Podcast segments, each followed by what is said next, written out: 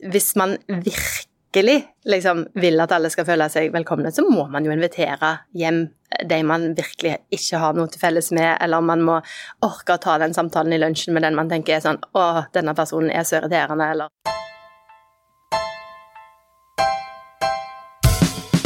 Birgit Amalie Nilsen, velkommen til det hun sa. Tusen takk. Du, det er så mange som har foreslått det, og vi har tenkt så lenge på at vi ville ha det. Og du og meg, vi har jo drevet og sendt hverandre meldinger på kryss og tvers over en lengre periode for å få til en avtale. Ja, det var ikke lett. Og endelig kunne du. Kjempegøy å ha deg her, og jeg har så mange ting jeg har lyst til å snakke med deg om. Du ytrer deg mye. Eh, du er glad i å skrive, du er glad i å snakke, du er glad i å få folk til å snakke sammen. Har du opplevd noen ganger at dialog rett og slett ikke virker? At du ikke Det blir ikke noe økt forståelse, eller man kommer ikke noe nærmere hverandre, men tvert imot? Nei, jeg har ikke opplevd har, Eller det vil si ja og nei. Jeg har opplevd det på, på sosiale medier. Eh, jeg, I prosjektet Mann og Frank Søsken så meldte jeg meg inn i en del høyre eh, hvert fall populistiske, kanskje òg radikale grupper. Eh, og da prøvde jeg å være en sånn eh, digital nabokjerring som gikk inn og gikk i diskusjoner i liksom lukka miljøer. Eh, og det opplevde jeg ikke spesielt konstruktivt. Eh, men hvis jeg inviterte samme person som jeg prøvde å ha en sånn offentlig samtale eh, på en sånn Det blir jo nesten som en sånn gladiatorarena, da, der man liksom man skriver for å få eh, Altså man skriver for å bli sett, man skriver for å få oppmerksomhet og likes fra heiagjengen sin. Eh, så det, der opplevde jeg ikke at det var noe lett å komme nærmere hverandre. Um, men hvis jeg inviterte samme person til en privatsamtale eller til en kopp kaffe, så har jeg aldri opplevd at det ikke er mulig å komme nærmere hverandre. Så hvis du da tar utgangspunkt f.eks.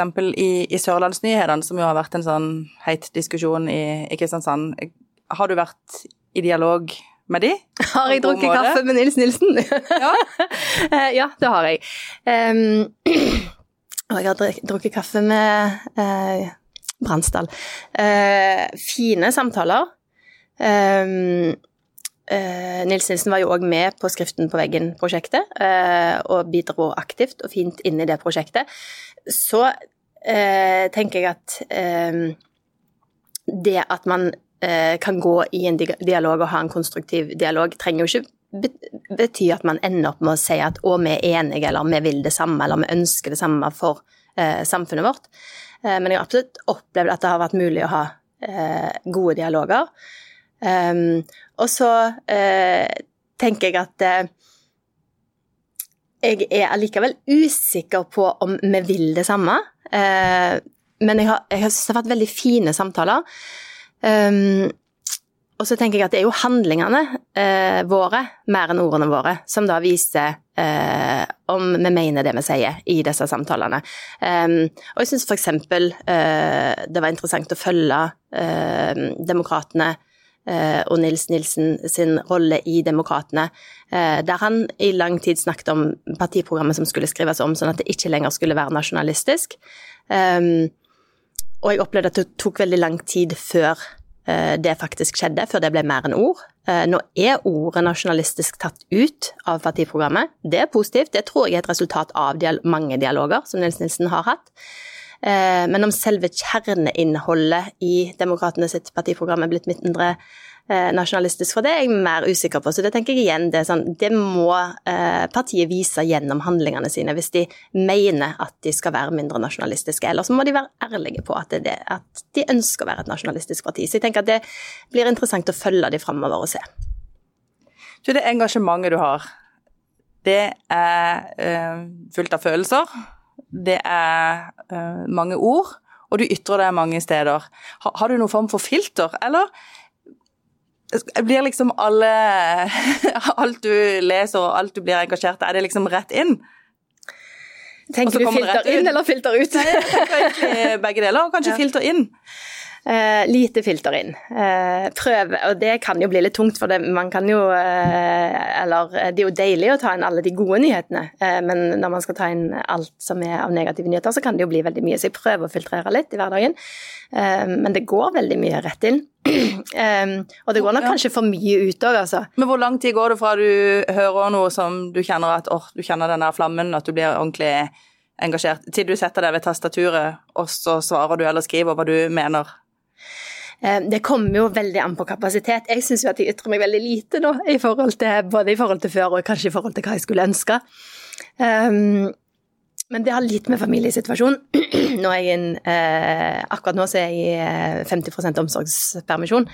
Um, så, og det har tvunget meg til å tre litt tilbake da, eh, og analysere litt mer. Og det eh, er nok sikkert nyttig. Eh, fordi at eh, igjen så føler jeg jo at sosiale medier og den medievirkeligheten vi har nå, den har jo gjort noe med tempoet vi skal mene noe i, og det har jeg merka veldig på meg sjøl. At når jeg begynte som samfunnsdebattant, eh, begynte som spaltist i Bergensavisen som 15-åring, eh, og så skrev jeg mye mens jeg jobba og studerte, eller studerte og jobba i England. Eh, og da var det jo sånn Skrev for PC-en min, lagra på en floppydisk, sendt i posten, leste noe, tenkte noen, liksom, tenkte noen dager over hva mener jeg om dette et helt annen rytme, sant? mens nå er det jo litt sånn hvis du har tenkt en dag, så er jo saken utdatert. Liksom. Men, men hender det du angrer? At du tenker at å nei, her burde jeg tenkt meg om litt mer. Her burde jeg tatt meg den tida som jeg gjorde før når det var et brev, f.eks. Ja, det er sjelden jeg tenker sånn Jeg står for det jeg mener, og så utvikler meningene mine seg. Jeg kan gjerne ytre noe, og så kan jeg mene så får jeg motbør, og så ser jeg sånn Hm, jeg tok feil. Eh, men da tenker jeg sånn, jeg hadde jo ikke nødvendigvis endra mening hvis ikke jeg hadde sagt det og fått de motargumentene. Eh, så jeg tenker at det er ikke farlig å liksom ytre seg og se at det er sånn ja, ja, det var ikke så gjennomtenkt. Jeg burde faktisk Men skriver du det da, at ok, det var kanskje Eller nå, jeg mener, mener jeg noe annet? Ja, ja det gjør jeg. Eh, men jeg tror ikke jeg har vondt av å liksom av og til stoppe. Altså, ja, det, så det var egentlig det jeg skulle si, da, det, dette lange resonnementet. At det å liksom bli tvungen til å stoppe opp og tenke litt sånn som jeg må akkurat nå, føles litt unaturlig. Jeg tror jeg har skikkelig godt av det. Mm.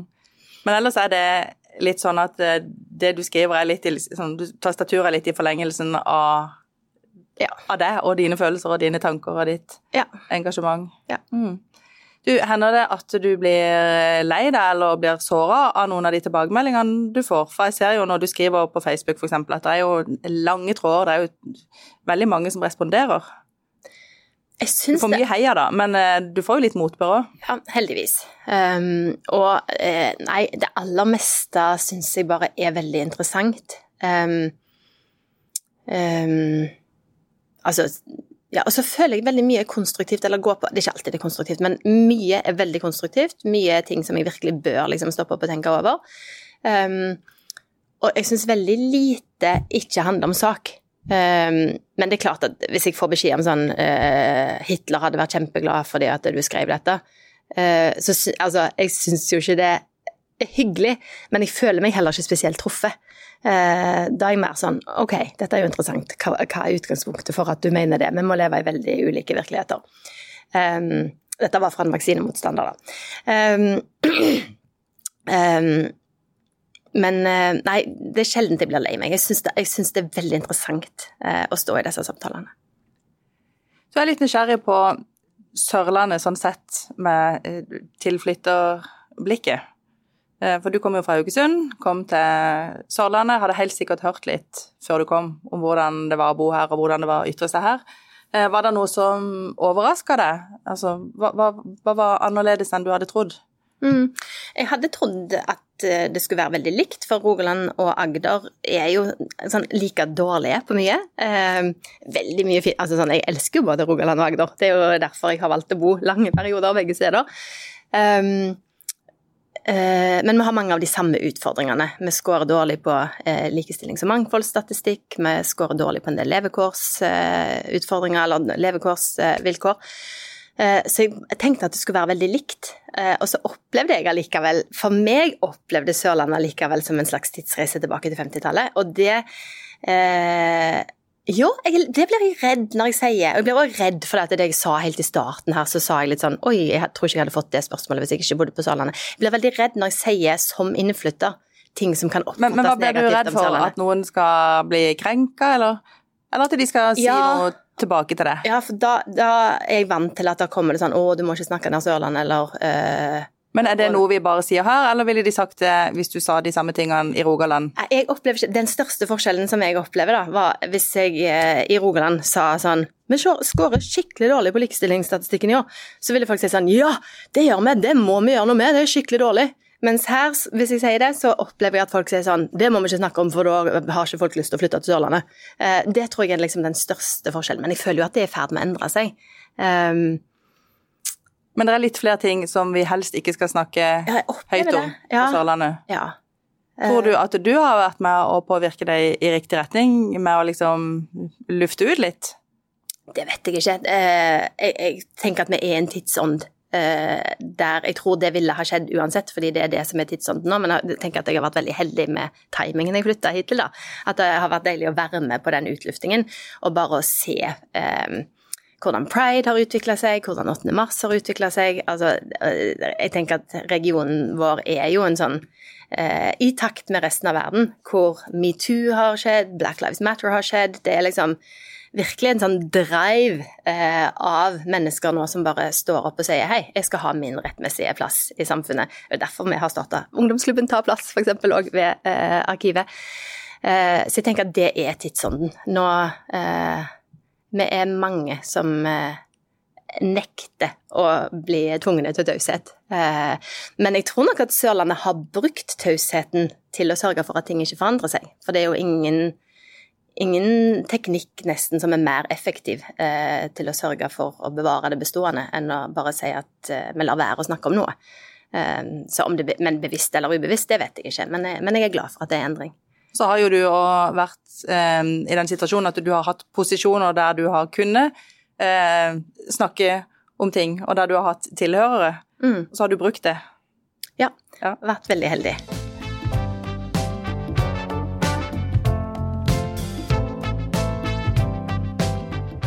Vi har snakka litt med andre gjester om det å flytte til Sørlandet, at det kan eh, være litt vanskelig fordi noen syns at vi er litt vanskelig å komme inn på på Sørlandet. At vi liksom har våre kretser, og at vi ikke nødvendigvis er så åpne.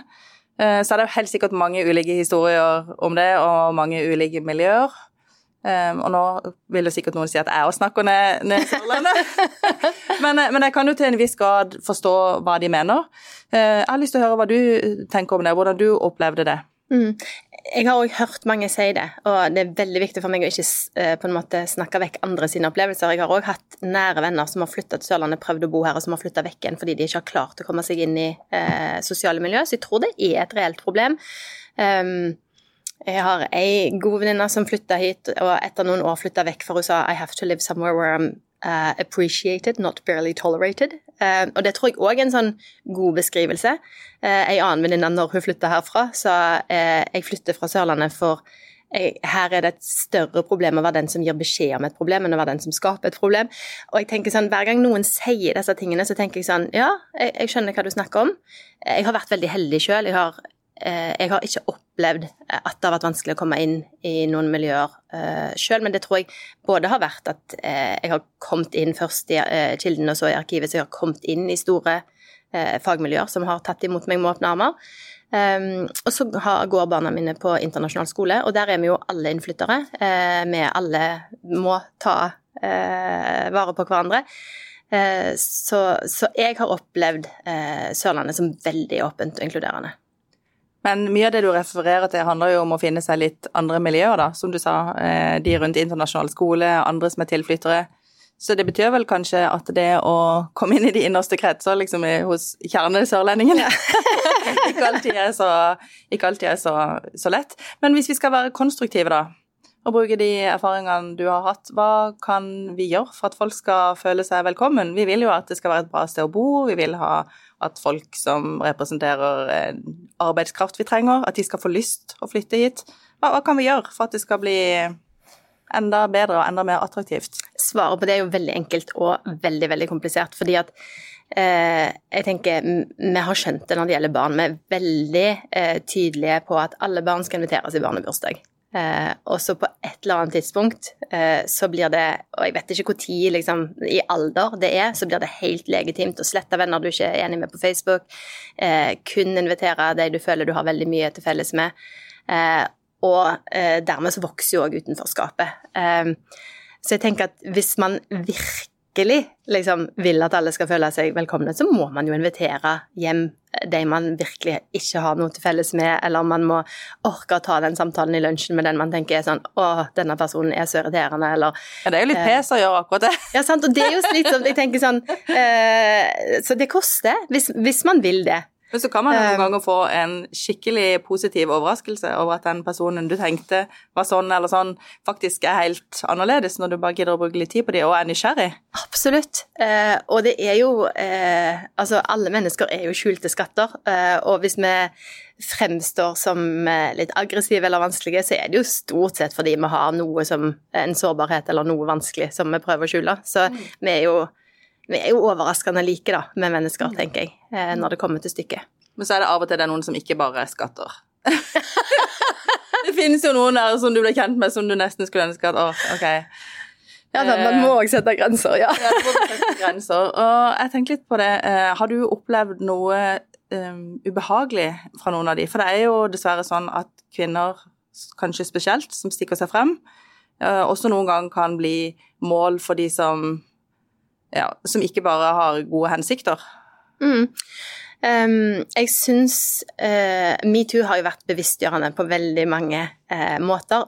For meg personlig, jeg føler meg veldig naiv når jeg sier det, så var det min første uh, oppdagelse av Å, et, det er en del ting som jeg har tatt som en selvfølge at jeg bare må tåle opp gjennom livet, som jeg ikke trenger å tåle.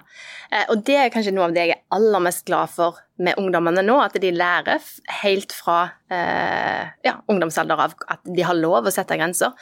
Um, Og at det finnes ord for at det. det finnes er- ord for det, og at det er lov å si ifra. Men, men jeg må òg si at um, Uh, jeg opplevde mye mer av det i England uh, enn jeg har gjort i Norge. Opplevd òg en del ting i Norge, men um, eh, Men da opplevde jeg òg, når jeg eh, studerte og jobba eh, i England, så var det virkelig bare en del av kulturen. Eh, og om det var liksom sjefer eller professorer eller eh, Ja, kan du gi eksempler på hva du Eh, ja, da, altså du kunne liksom Eller jeg kunne bli bedt om å sitte igjen etter en eh, historietime, teaterhistorietime, og plutselig eh, liksom bli pressa opp etter veggen med en 90 år Nei, ja, sikkert ikke 90 år, men som for meg føltes som en 90 år gammel professor som ville kysse meg, eller altså ehm, eh, som, som egentlig en sånn helt sånn dagligdags hendelse når jeg tenker tilbake, veldig rart. Men det jeg følte at jeg hadde med meg fra Norge, var at jeg følte en trygghet på at det ikke ville påvirke karakterene mine å si eh,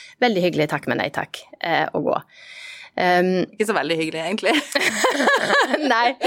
Uh, og det var kanskje det som var skillet da, som før og etter metoo, at uh, Men um, ja, at eh, jeg følte alltid et veldig ansvar for den andre i sånne situasjoner. Å ivareta deres verdighet, ivareta eh, eh, ja, å være høflig, høflig avvisende i sånne situasjoner. Nå tror jeg kanskje at jeg hadde satt eh, altså sant, Man blir eldre, så eh, er det mye av dette som løser seg av seg sjøl, heldigvis. Men jeg tror sånn, hvis jeg hadde levd akkurat de årene om igjen, så hadde jeg nok kanskje vært tydeligere. Um, For å stoppe det, rett og slett. Ja. Men, men jeg følte, at, følte meg i stand til å stoppe det, men jeg følte et veldig ansvar for å ivareta den andre da, eh, i de situasjonene. Ja.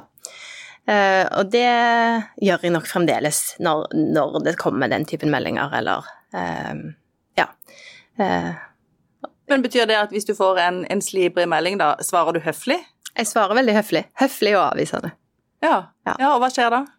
Um, da må man jo, jo høfligere man er, jo flere ganger må man jo kanskje avvise.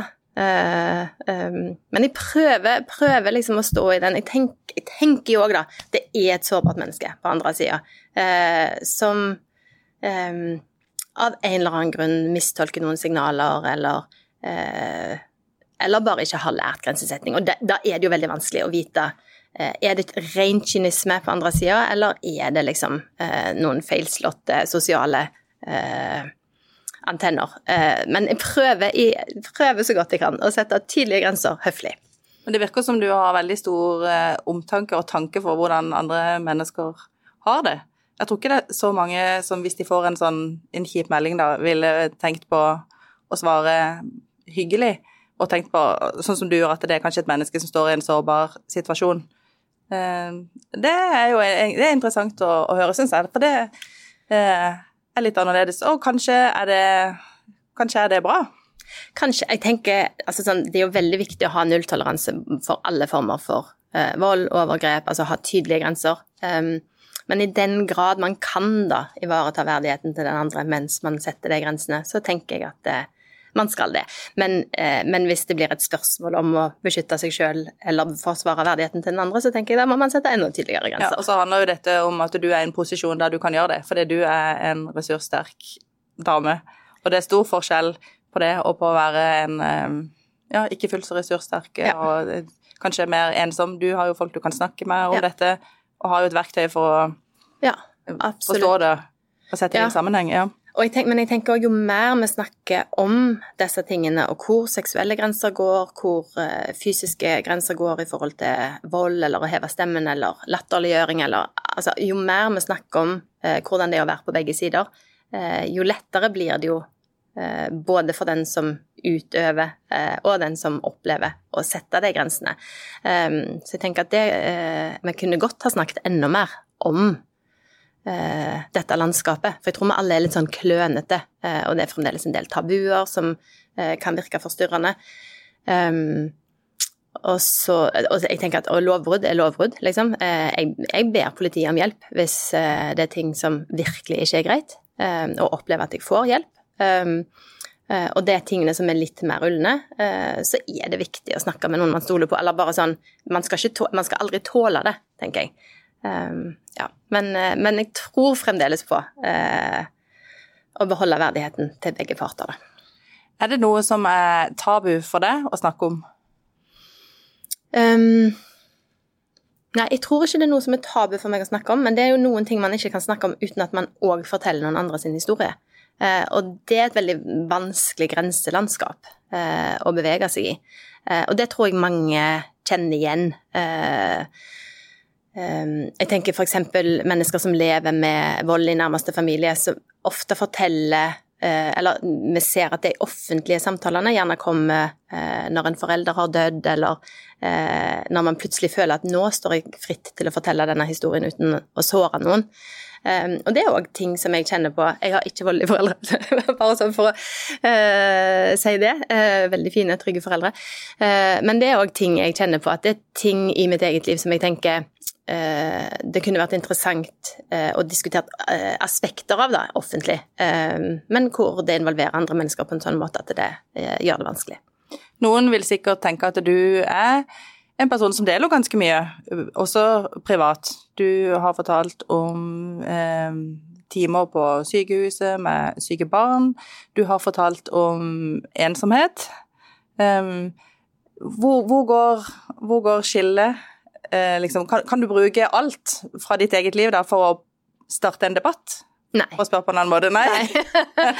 Nei, nei jeg tenker mm, Men jeg tenker at uh, det, det, er jo uh, et personlig Eller når ting er opplevd, og det som er personlig, uh, er ofte det letteste å diskutere ut ifra. For store politiske løsninger, eller store politiske debatter, handler jo om dypt personlige problemstillinger for oss alle. Um, men det er mye, veldig mye jeg ikke kan bruke, eh, og det er veldig mye det ikke ville vært moralsk riktig å bruke. Uh, igjen fordi det involverer andre. Og jeg kan gjerne si at jeg er mor til to kronisk syke barn. Uh, jeg kan ikke si så veldig mye mer enn det, fordi det ville ikke barna mine synes var ok. Um, um, men jeg føler at det er viktig for meg å kunne snakke om hvordan det påvirker livet mitt. og jeg tror det er òg viktig Eh, jeg tror det er viktig å snakke høyt om at det er mulig å ha en lederposisjon og ha to kronisk syke barn. Altså, første gang når jeg fikk vite at jeg skulle bli mor til et kronisk sykt barn, så var jo eh, Da var liksom mitt instinkt å ta ulønna permisjon i lang tid etter fødselspermisjonen, for det var helt utenkelig for meg at jeg kunne kombinere en lederstilling med det omsorgsoppdraget. Og jeg visste ikke engang at jeg kunne fått omsorgspermisjon, så da tok jeg liksom banklån og tok ulønna permisjon. og um, og, det er jo sånn som jeg tenker at Hadde vi snakket mer om dette For det første så hadde jeg vært litt mer klar over rettighetene mine. Sluppet det banklånet. Eh, og, og, så gikk det veldig kort tid da før Det var jo bare tilfeldig, men hun som var vikaren min, eh, ble sykemeldt etter veldig kort tid i jobben av helt andre grunner. Og da plutselig så tenkte jeg livet er jo ikke lineært for noen av oss. Det, det, går an å kombinere ting. Kanskje det er til og med bra at en stemme i offentligheten eh, har litt andre livserfaringer med eh, inn i jobben. Eh, så sånn på sikt, eller sånn, etter hvert så fant jeg ut at det kunne være en styrke, eh, men jeg syns det var vanskelig i starten. Men det viser jo egentlig at du bruker erfaringer fra eget liv til å sette ting på dagsorden. Mm. Og det er jo en konstruktiv måte å, å, ta opp ting på, og en konstruktiv måte å håndtere utfordringer på. Så vi er jo egentlig litt over på et annet tema nå, det med, med familie. For det du er jo eh, alene med to, mm.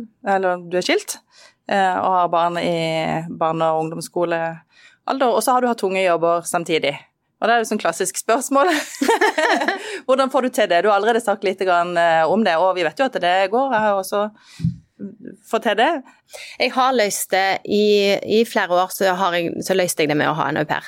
Um, eller å ha mange au pairer i flere år. Uh, og flere av eh, de fantastiske damene som bodde hos da, var sykepleierutdanna uh, og kom til Norge for å søke jobb som hjelpepleier eller sykepleier i Norge. Og trengte en periode for å lære norsk.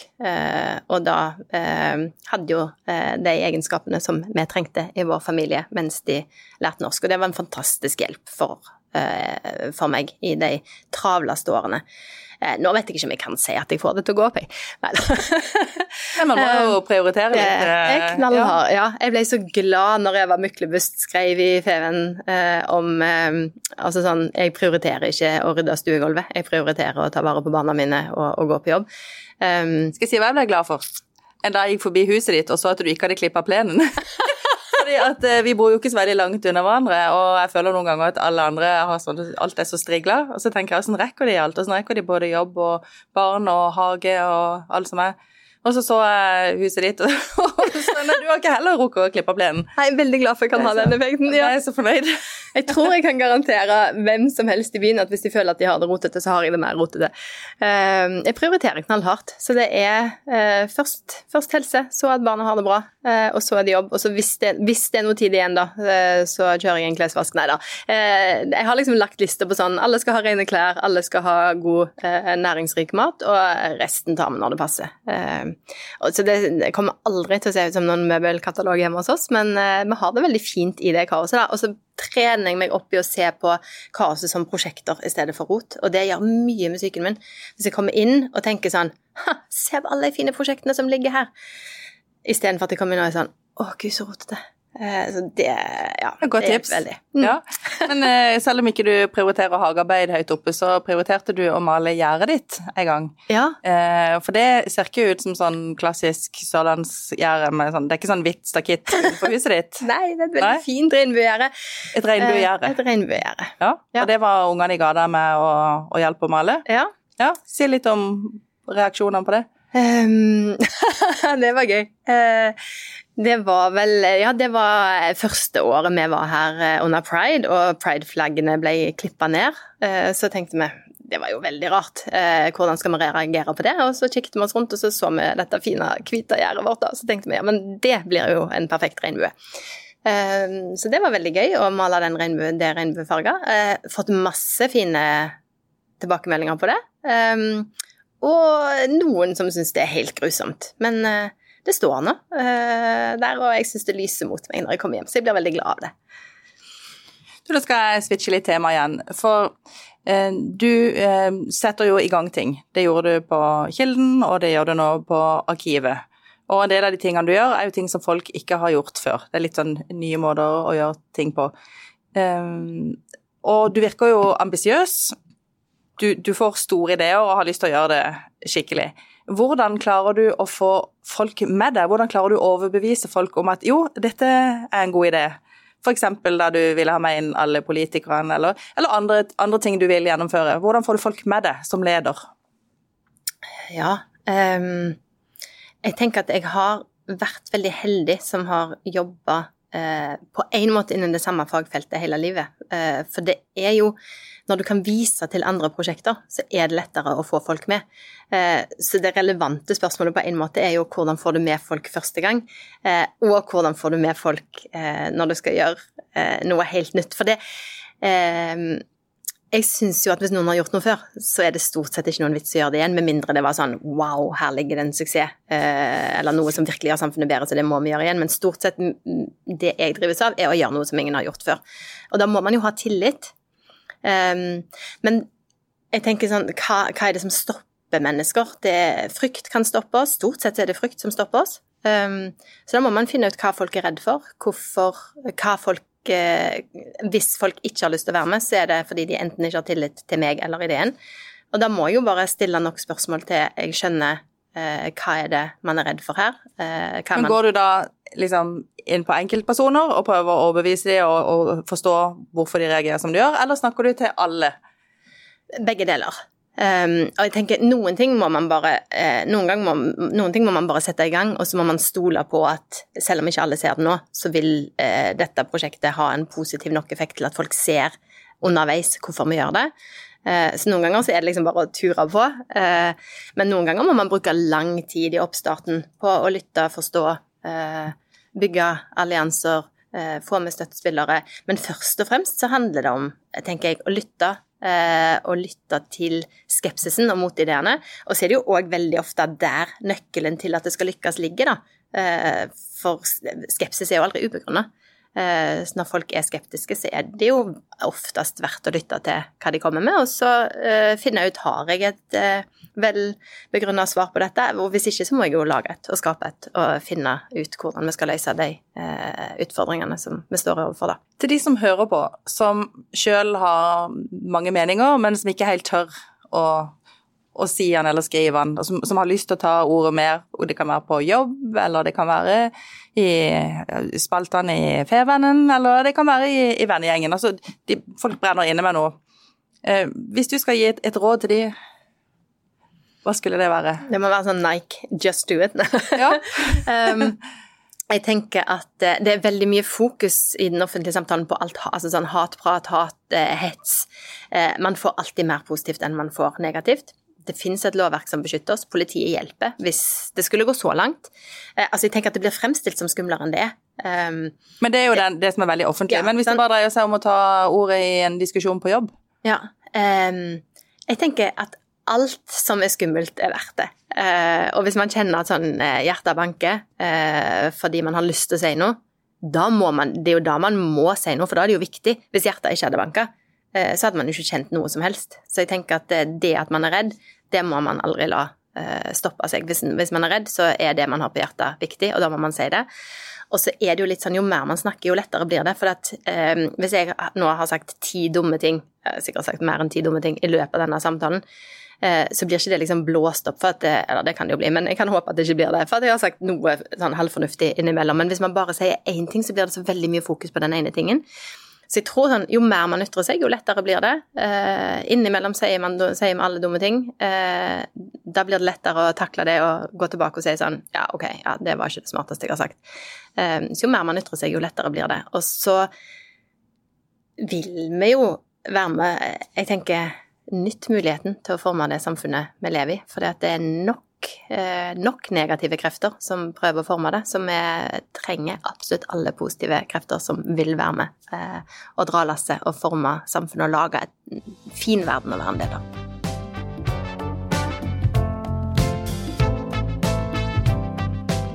Har ett tema igjen. vi har snakka om masse forskjellig nå, men vi er nødt til å bare svinge innom det med likestilling. For jeg vet at du brenner veldig eh, for det òg. Ja. Hva er det du tenker er det viktigste å få på plass nå? Hva er det vi mangler når det kommer til likestilling nå? Jeg tenker I Norge så er vi jo veldig veldig heldige som har juridisk likestilling. Eh, og så er vi et godt stykke unna eh, sosial likestilling. Eh, og jeg tenker at det, det, i veldig stor grad handler om å ta plass, kreve. Ta plass, kreve plass. Eh, se at absolutt alle taper hvis vi ikke har likestilling. McKinsey eh, har gjort grundige undersøkelser, hvis vi snakker på et bedriftsnivå, eh, gjennom eh, mange, mange år nå, med mange hundre og flere tusen faktisk bedrifter over hele verden, og ser at de bedriftene som klarer seg best gjennom økonomiske kriser, gjennom omstillinger, det er de bedriftene som scorer høyest på eh, likestilling og mangfold, fordi eh, når du har flere stemmer i beslutningsrommet, så klarer bedriftene å omstille seg lettere. Eh, så hvis ikke Sørlandet skjerper seg eh, og får mer mangfold eh, og, på alle områder, altså om det gjelder kjønn, etnisitet, seksuell legning, funksjonsevne Vi må virkelig bare skjerpe oss. Hvis ikke så blir vi mindre konkurransedyktige, og vi blir et mindre ok sted å bo. Så ja, vi har en del å gå på. Um, ta plass, ta krev plass, plass, krev plass og gi plass. Mm. Vi har noen faste poster her, ja. um, og det ene handler om Er det en eller annen ting som du bare er skikkelig supergod på? Rett og slett så god at du er best i verden? Nei, jeg tror jeg er skikkelig god på å være meg, og det er jo ingen andre som kan få det til. Men det er jo sånn, eh, det, dette ser jeg alltid når vi ser på ungdomsserier. Hele mitt kulturelle liv nå er jo ungdomskultur. Um, det er det jeg liksom ser og opplever med ungdommene mine. Uh, og da det, står det alltid sånne postere. Ingen andre kan være deg. Uh, så nå var jeg veldig påvirka av det, men nå ville ungene mine sagt cringe. Selvfølgelig kan ingen andre være deg. I don't know. Nei, det tror jeg ikke. Nei, du er best på å være det. Jeg er best på å være meg. Ja. Du skal få lov å snakke om noen andre som er bra på noe. Du skal få lov å fremsnakke en uh, person som har vært viktig, eller er viktig for deg. Eller kanskje til og med to. Ja, um, her på Sørlandet, da. Um, jeg tenker den gjesten som dere uh, akkurat hadde her, Ann-Kristin Olsen, hun er et av mine store forbilder. Helt rå politisk og menneskelig. Ja, diggende stort forbilde. Så jeg er en stor beundrer av Myra Svartnes Thorsen. Jeg tror ikke hun evner å kjenne frykt. jeg digger at hun buser ut med absolutt alt, at hun vokter alle grenser eh, og er så uredd og tydelig i måten hun kommuniserer på. Eh, og tenker så stort eh, og helhetlig. Det beundrer jeg veldig. Og så beundrer jeg virkelig ei som heter Carla Mattison, som er engelsklærer på Christiansand International School, som har vært gjest hos oss på Arkivet og snakket om Black Lives Matter-bevegelsen. Hun ser verden fra en helt annen vinkel som jeg, Eh, sier at hele oppveksten min så fortalte folk meg at mitt liv didn't matter. Nå vet jeg at Black Lives do matter, og så har hun bare en fantastisk intellektuell kapasitet eh, og er så belest og har så mye å lære meg at jeg bare må holde kjeft og lytte. Birgit Amalie Nilsen, tusen takk for at du kom til det hun sa. Takk. Du har lytta til Federlandsvennens podkast Det hun sa med Birgitte Klekken. Har du tips til andre bra damer vi bør snakke med, eller har du lyst til å dele inspirerende erfaringer fra ditt arbeidsliv? Ta kontakt på dethosa1fun.no.